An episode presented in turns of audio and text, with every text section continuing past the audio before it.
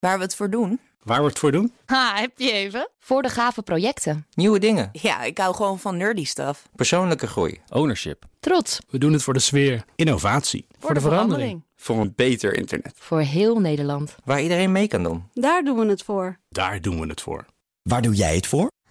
Kom werken voor KPN en groei op jouw manier. Check de actuele vacatures op het gebied van data, security, development en networking op jobs.kpn.com/tech.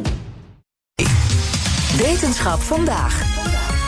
Een vrouwenlichaam verandert op allerlei manieren door een zwangerschap. Nou, dat is uh, niet echt nieuws. Maar nu hebben onderzoekers ook aanwijzingen gevonden dat een zwangerschap wel eens impact zou kunnen hebben op de samenstelling van onze botten. Nou, daar moeten we over praten. Carlijn Meinders is bij ons. Hey Carlijn. Hi. Ja, onze botten veranderen door een bevalling. Ja, dat is uh, waar ze naar hebben gekeken. Botten klinken altijd als iets statisch, iets wat niet meer echt verandert, behalve als we groeien of als we heel oud worden. Maar we weten bijvoorbeeld al van onderzoek naar astronauten dat uh, uh, ze ook dan nog in volwassenheid kunnen mm -hmm. veranderen. In het geval van de astronauten komt het doordat er dan uh, een tijd lang geen zwaartekracht nee. is. Dus er staat minder druk op die botten. Daardoor worden ze zwakker. Dit nieuwe onderzoek is gedaan door de Universiteit van New York. Ik sprak hierover met hoofdonderzoeker Paola Cerrito. Nou zou je kunnen denken dat van die veranderende botten na zwangerschap... dat is goed om te weten, omdat het misschien wel impact heeft op hoe we leven. Maar er is nog een reden om dit onderzoek te doen. To try to develop methods to be able to infer the timing of birth. So every how much time did a female give birth in human evolution. Dus kunnen we een methode ontwikkelen waarmee bepaald kan worden hoe vaak de mens is bevallen in het verleden? Want als we dat nu vergelijken met de dieren waarmee we het meest verwant zijn, dan zie je daar hele grote verschillen tussen. In hunter-gatherers, what we see is that the modal, like the average, let's say, spacing between one birth and another one is about three years. And for a mammal of our body size, what we would expect is something more like six years, which is what actually chimpanzees have between five and six years. Wij zijn dus veel uh, vaker zwanger, sneller achter elkaar dan ja. je zou verwachten. als je kijkt naar de grootte van ons als zoogdier, zeg maar. Uh, evolutionair gezien kost dit een lichaam veel te veel energie, zoveel kinderen vlak na elkaar.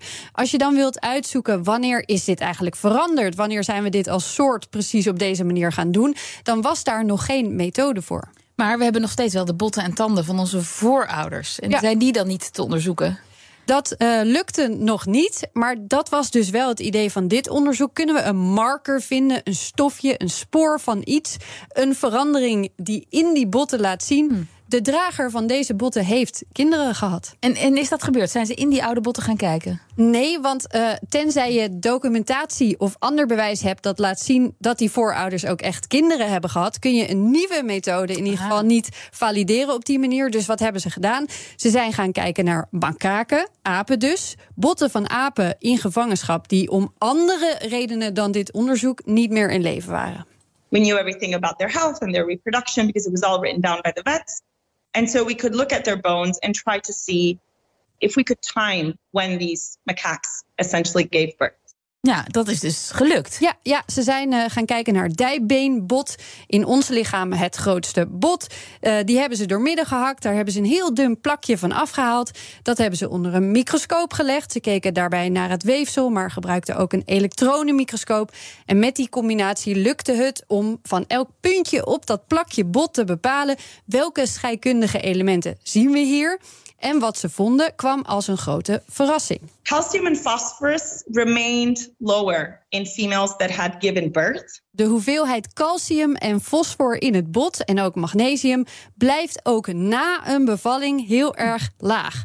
Tijdens een zwangerschap is dat logischer. Dan gaan veel mineralen in ons lichaam naar de baby die in ontwikkeling is. Alleen wat werd gedacht is dat die waarden weer herstellen. Dat die elementen in het bot na bevalling en borstvoeding weer terug naar het oude niveau gaan. En dat lijkt nu dus niet zo te zijn. Nee, nou dit ging dan om apen, die makaken. Maar zegt dat ook iets over de mens? Dat is natuurlijk een belangrijke uh, vervolgvraag. Het is uh, zowel interessant voor antropologie als forensisch onderzoek om dit te bekijken. Denk maar aan het vinden van een lichaam of botten waarvan niet duidelijk is wie is dit. Ja. Dan is alle extra informatie die je uit die botten kunt halen enorm waardevol.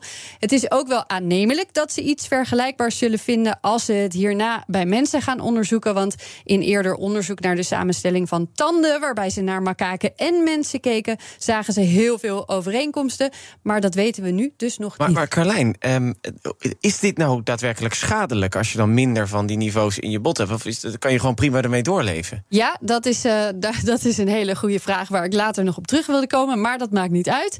Dat weten we ook nog niet. Het is niet zo dat in dit onderzoek al is gekeken wat voor impact heeft het.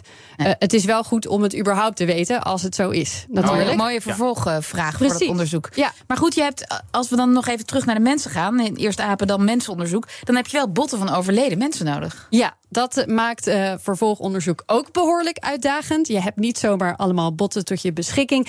En al heb je ze, dan moet je nog met aardig wat dingen rekening houden. Want wij leven bijvoorbeeld een stuk langer dan een makaak. Stel je vindt geen veranderingen, is het dan niet zo dat toch op langere mm -hmm. termijn dat weer is aangevuld en is hersteld?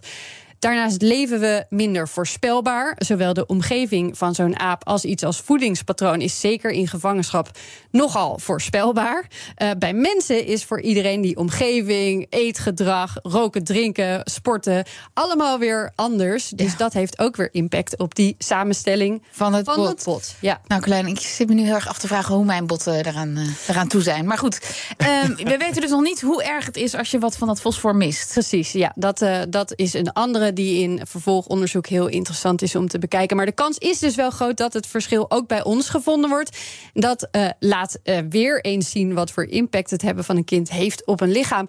Maar het geeft onderzoekers dus ook mogelijk een tool om alleen aan de hand van die botten te ja. kunnen zien.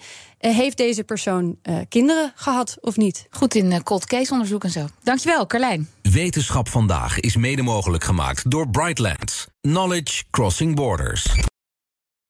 Ook Hugo Reitsma vind je in de BNR-app. Superhandig die BNR-app. Je kunt alle programma's live luisteren, breaking nieuwsmeldingen. Je blijft op de hoogte van het laatste zakelijke nieuws. En je vindt er alle BNR-podcasts, waaronder natuurlijk de belangrijkste, Boeken zijn in de wijk. Download nu de gratis BNR-app en blijf scherp.